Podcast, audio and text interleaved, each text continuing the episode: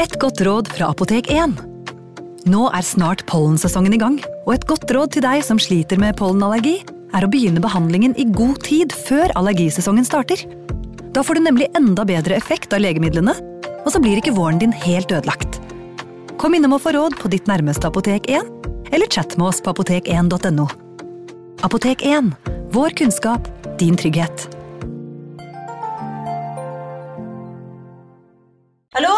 Jeg kommer fra Oslo politikammer. Ine Jansen er purk. Er du purk? The motherfucking bitch. Alt jeg vil, er å finne ut hva som skjedde med mannen min. Jon Carew. Er jeg sikta for noe? Iben Akeli. Det er du. Ole So, Lars Berrum og Big Daddy Karsten. Hvem sin side er du på, egentlig? Anette Hoff, Tone Danielsen, Kommer du fra Afrika? Jørnis Josef, Nesten. Kløfta. Trond Espen Seim, Det er synd å si det, men det var feil mann som døde. Purk. Premiere tirsdag på TV2 Play. Ungsamtalen fra DNB er økonomisk veiledning tilpasset deg som er ung. Bokk en ungsamtale på dnb.no. slash ung. Det er kjempebra hvis du skal inn på boligmarkedet, hvis det er drømmen din, liksom. Det er det du skulle sagt. Og så kunne du ropt litt mer, da, sånn som jeg gjorde. Bam! Advarsel.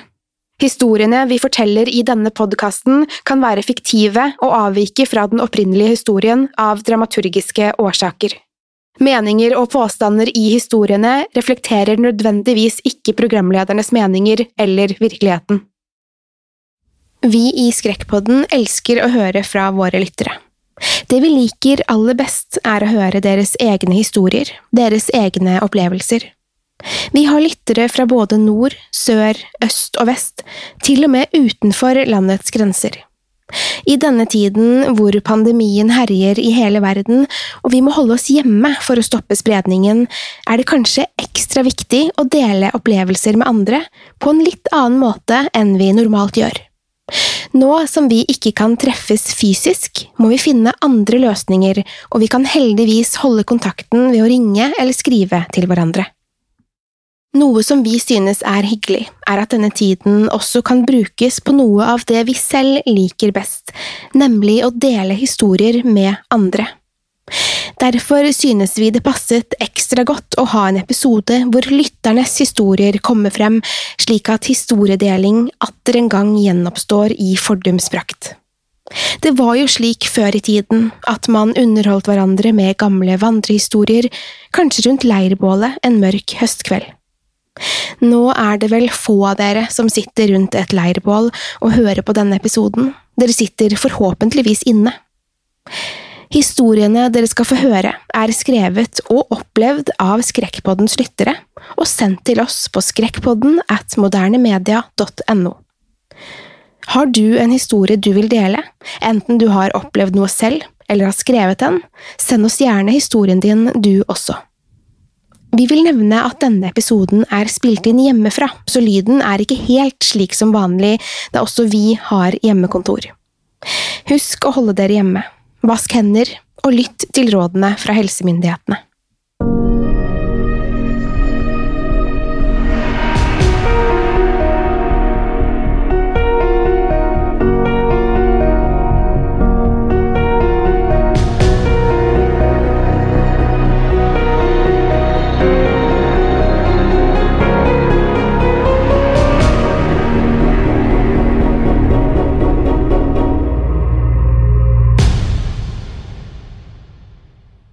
Hei, Jim og Pernille.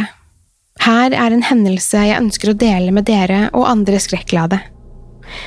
Jeg har alltid følt at kvelds- og nattetimene var den skumleste tiden på døgnet. Den tiden hvor skygger fra møbler blir mennesker, lydene fra reven blir til uhyggelige skrik, og uvær legger til rette for at noe skremmende vil finne sted. Dette helt til en dag jeg skulle legge meg for å hvile litt i sengen etter skoledagen. I denne perioden bodde jeg i kjelleren hos foreldrene mine. Jeg la meg ned for å hvile, kanskje for å sove litt. Det var da jeg kjente noen skyve dynen inntil meg. Jeg frøs helt, og tenkte for meg selv at dette hender ikke. Jeg måtte drømme. Jeg følte at dynen ble trukket sakte over hodet mitt. I ren panikk rev jeg av meg dynen og spratt opp av sengen. I rommet var det ingenting å se. Jeg kunne ikke forstå hva som nettopp hadde hendt. Lenge hadde jeg følt at det var noe som ikke stemte i kjelleren. Lite visste jeg at denne hendelsen bare var begynnelsen. Hver morgen da jeg sto opp, følte jeg en sterk motvilje mot å gå inn på badet. Jeg forsøkte å motarbeide denne følelsen, men med tiden ble den bare sterkere. Ved matbordet en ettermiddag spurte min mor om jeg hadde forsovet meg til skolen denne dagen. Jeg så spørrende på henne. Nei, jeg var på skolen klokken åtte. Hvorfor det? Spør jeg. Hun får et rart uttrykk i ansiktet. Men hvem var det som stelte seg på badet rundt klokken ti i dag, da? Jeg stivner til. Mamma, du må ha hørt feil, forsøkte jeg å stotre fram. Mamma ser alvorlig på meg og sier, du kan fortelle meg om du forsov deg, jeg hørte tydelig noen dusje, og at vasken ble brukt, og at det smalt i skap og skuffer nede på badet. Denne hendelsen ga meg enda større indre uro. Hvem som stelte seg på badet, skulle jeg få se en morgen jeg sto i dusjen. Mens jeg dusjet, etter nok en dag å ha undertrykt den uhyggelige følelsen og motviljen mot å være på badet, så jeg noe jeg aldri vil glemme. Gjennom dugget på dusjkabinettet kunne jeg tydelig se en dame med mørkebrunt, langt og krøllete hår sto i hjørnet på badet. Jeg sluttet å puste av ren redsel.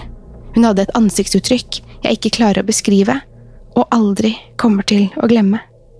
Vennlig hilsen Andrea.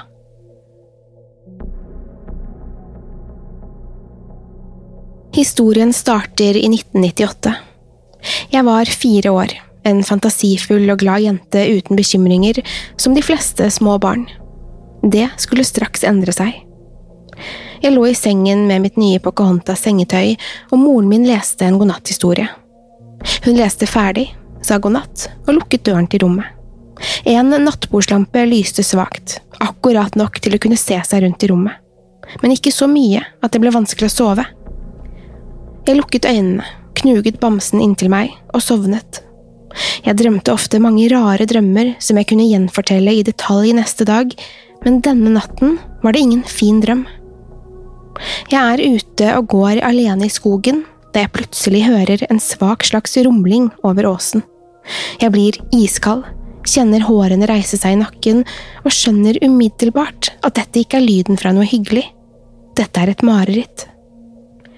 Jeg løper nedover åsen og ser ut av skogen, ned på en grusvei, og jeg kan så vidt skimte huset mitt et sted som nå virker uendelig langt unna.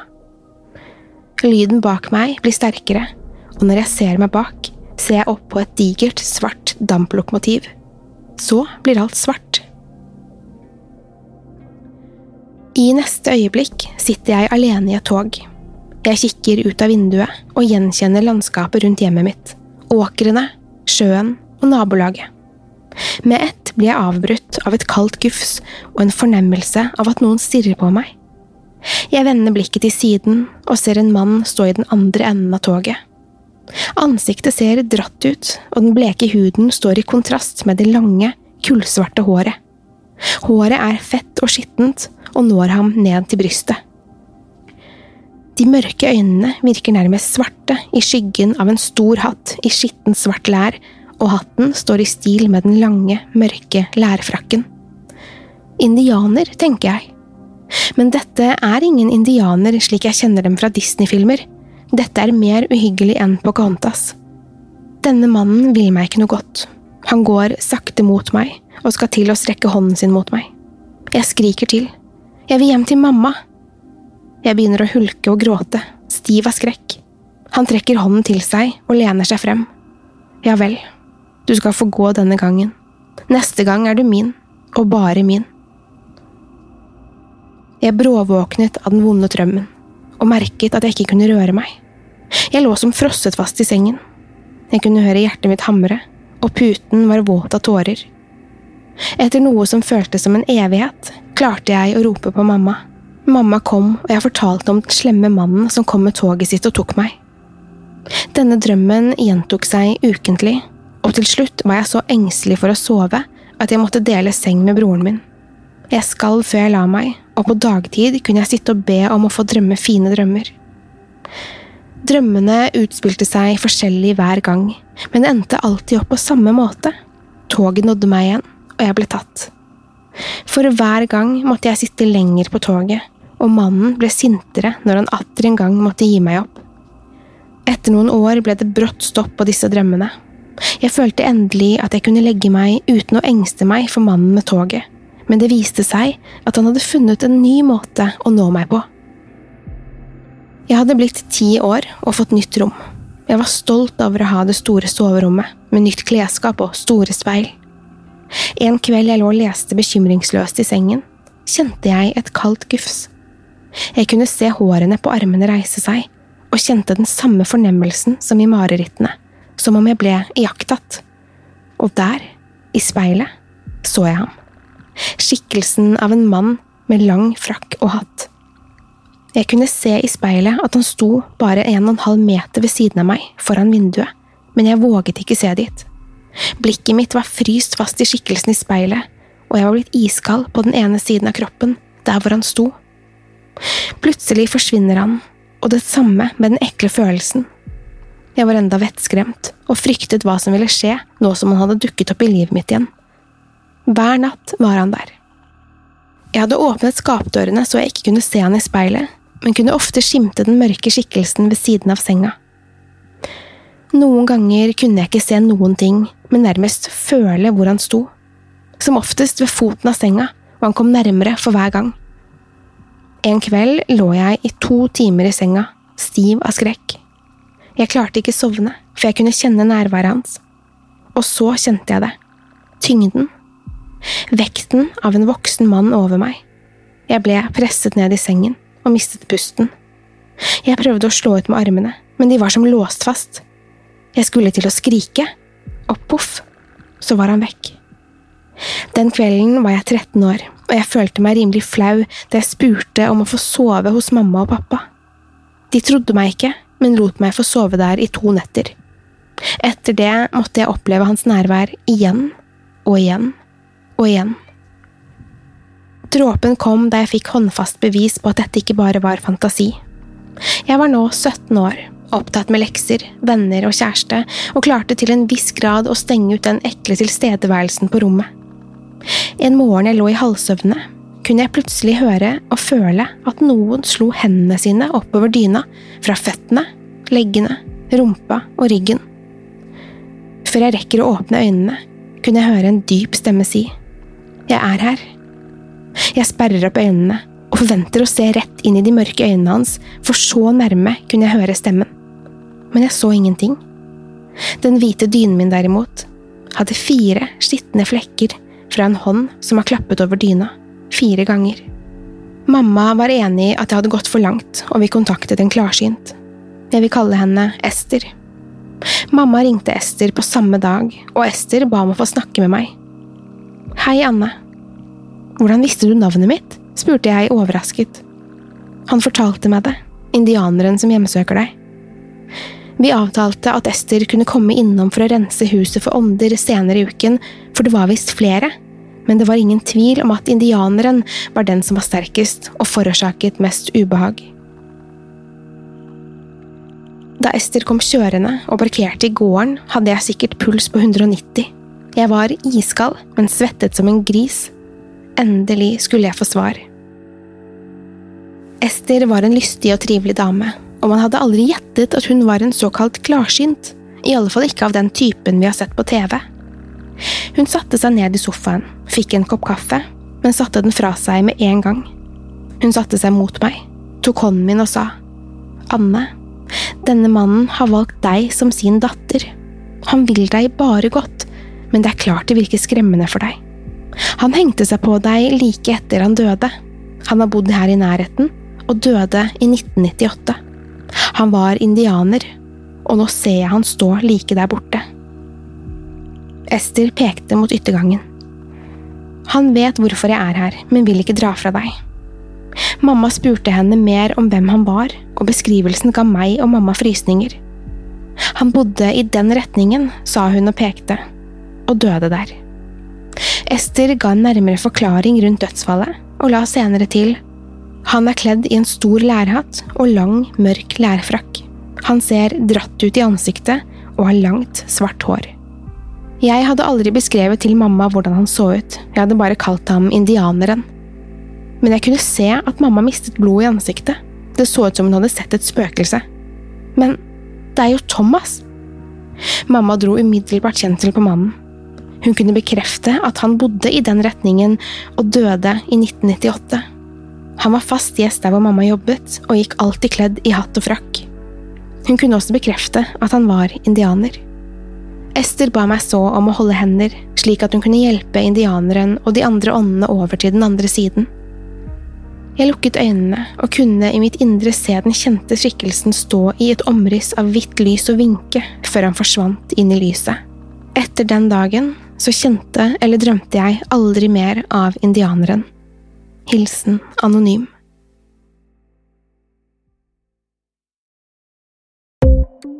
Er du glad i Skrekkpodden, sjekk gjerne ut andre podkaster fra moderne media, som Historiepodden, Mørkeredd eller Truecrime-podden. Podkastene våre finner du der du lytter til podkast, som på iTunes eller på Spotify.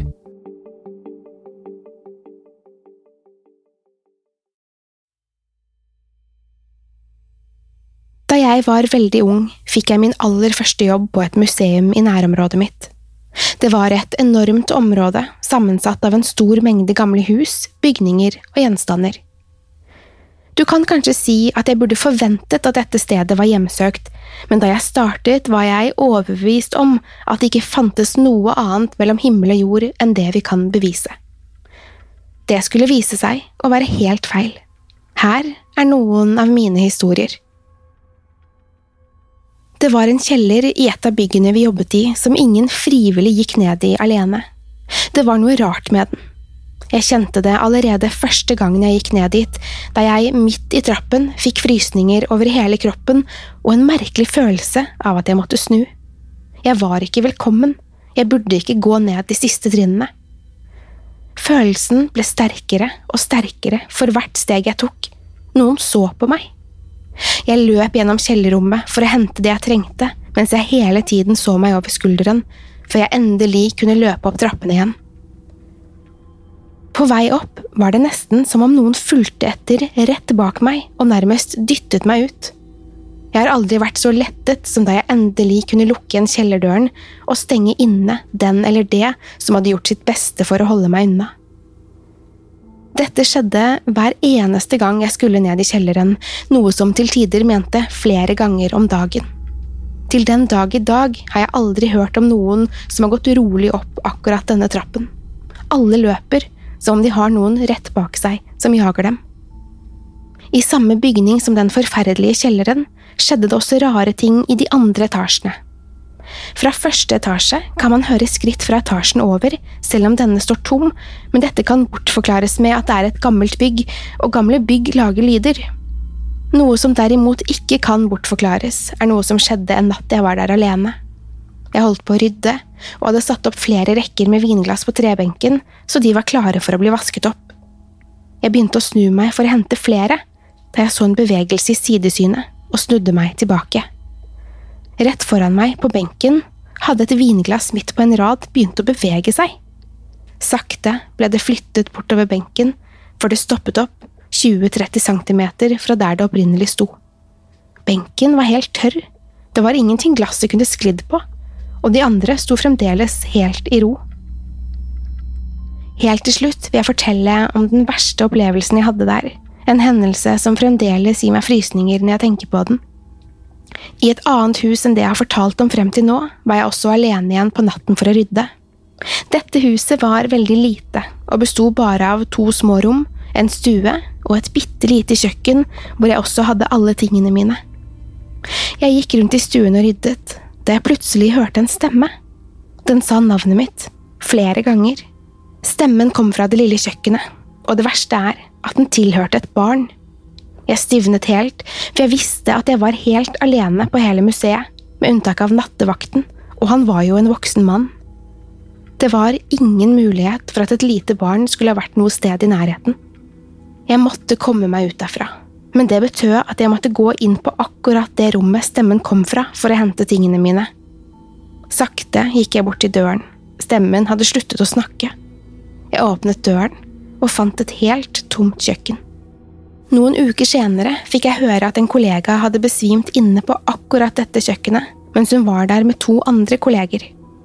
Det aller første hun sa da hun våknet, var Så dere også den lille gutten? Jeg er en 31 år gammel kvinne som bare må fortelle om min egen opplevelse. Jeg hørte nettopp episode fem om skremmende barn, det om å huske ting fra tidligere liv. Jeg har en sånn historie. Jeg var rundt fire år og på besøk i Lofoten hos mormor. Hun lurte på de vanlige tingene, barnehage, venner, og jeg svarte. Så har jeg feiret bursdag med storebror Håkon og storesøster Serine.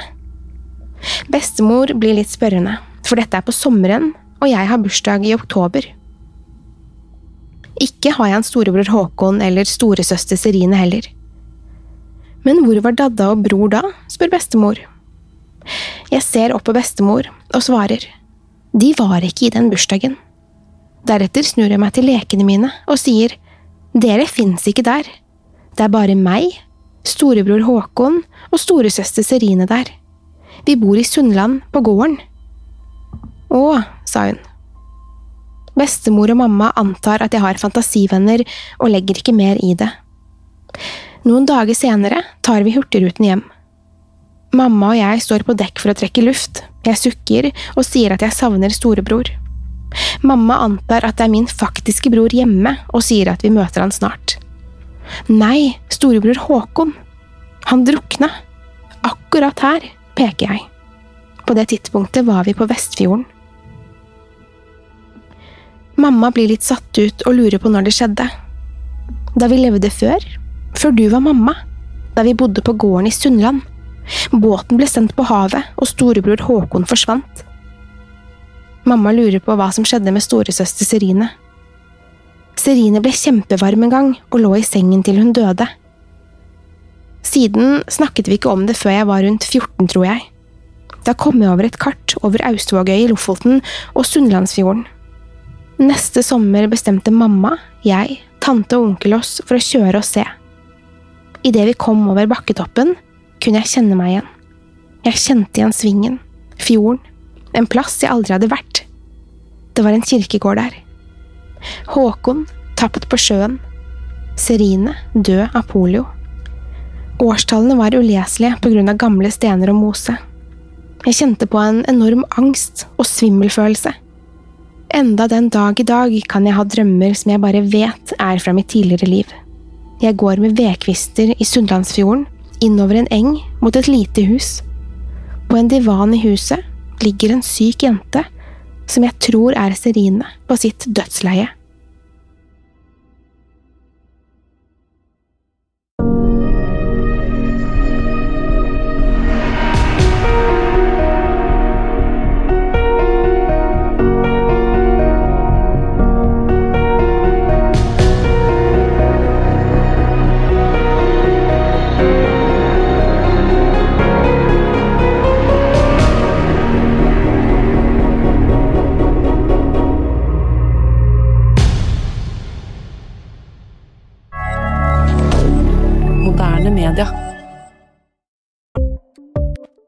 Ukens annonsør er Folio, en smartere banktjeneste for deg som har en egen bedrift eller ønsker å starte for deg selv.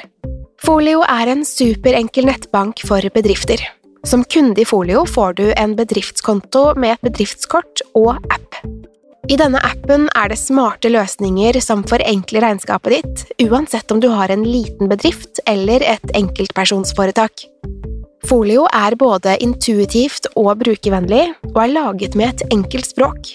I tillegg tilbyr de forutsigbare priser og ingen skjulte gebyrer. Skulle du likevel trenge det, så kan du snakke med deres raske og hyggelige kundeservice, og der får du prate med en faktisk person og ikke en chatbot. Folio er med andre ord både enklere og koseligere enn banken. Over 10 000 bedrifter har allerede valgt Folio som sin banktjeneste, så besøk folio.no og se hvordan Folio kan forenkle din hverdag også. Har du et enkeltpersonforetak eller en liten bedrift? Da er du sikkert lei av å høre meg snakke om hvor enkelt det er med kvitteringer og bilag i fiken, så vi eh, gir oss her, vi. Fordi vi liker enkelt. Fiken superenkelt regnskap. Kiwi er billigst i VGs matbørs og har vært billigst i fire av de fem siste VGs matbørser. Og nå presser vi prisene på frukt og grønnsaker. På 200 gram broccolini setter vi prisen til 24,90.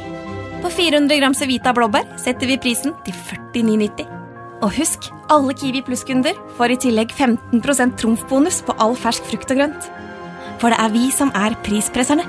Og vi i Kiwi gir oss aldri på pris.